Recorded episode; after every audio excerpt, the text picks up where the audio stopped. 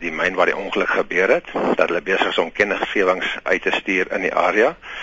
Dan die effek daarvan gewees dat hulle op Woensdag die 21ste Maart gaan hulle die skag, die ingang waar ons ingegaan het, gaan hulle daai ingang toemaak. Watter stadium presies het julle besluit om die reddingspogings te staak? Ons is net geroep vir 'n tweede opinie.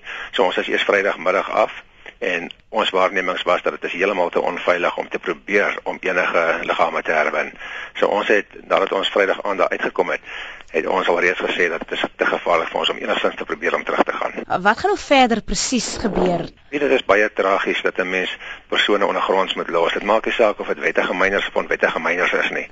Ja, die slegste mynbou ongeluk nog in die geskiedenis van Suid-Afrika was op 21 Januarie 1960 by Kalbrook waar daar 437 mense toegeval het ondergronds en tot vandag toe nog alle liggame ondergronds. Jy kry ongelukkig gevalle waar dit nie moontlik is om die liggame te herwin nie.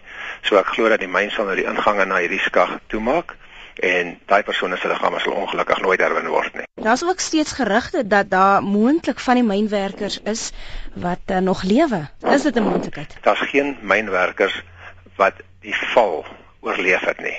Die persone wat onder daai rots is, hulle is definitief daar's geen een van hulle wat dit oorleef het nie. Maar daar is wel nog baie onwettige myners wat op verskeie plekke in die myn inwerk. En dit is hoekom die myn nou hierdie inligtings of kennisgewings besig is om uit te stuur, waar hulle almal waarsku dat hulle op Woensdag die 21ste die ingange na die skag gaan toemaak. So dit is alles dat hulle kan kans kry om uit die myn net te kom voor die ingange toegemaak word. Jy klink nou baie oortuig dat daar geen uh, van die mynwerkers is wat moontlik oorleef het nie, maar hoe bepaal julle dit? Die rots wat daar geval het, ons het hom uitgewerk. Hy, hy weeg ongeveer 1000 ton. So ons is 100% oortuig daarvan dat daar niemand onder daai rots is. Een groot rots, dis nie 'n klomp klein klippietjies nie. So ons is 100% oortuig daarvan dat niemand wat onder daai rots is, die val kan oorleef het nie. Is daar moontlikheid dat die myne wat nou nie operasioneel is nie, beter sekuriteit en veiligheidsmaatreëls toegepas kan word sodat die tipe mynwerkers nie toegang daartoe kan kry nie? Baie van die myne is al reeds toegemaak. Die skagte is behoorlik toegemaak met sement en staal. Die onwettige myners ongelukkig, hulle los stof in hulle metodes en hulle verwyder hierdie bestittings oor die skagte en dan gaan hulle daarin.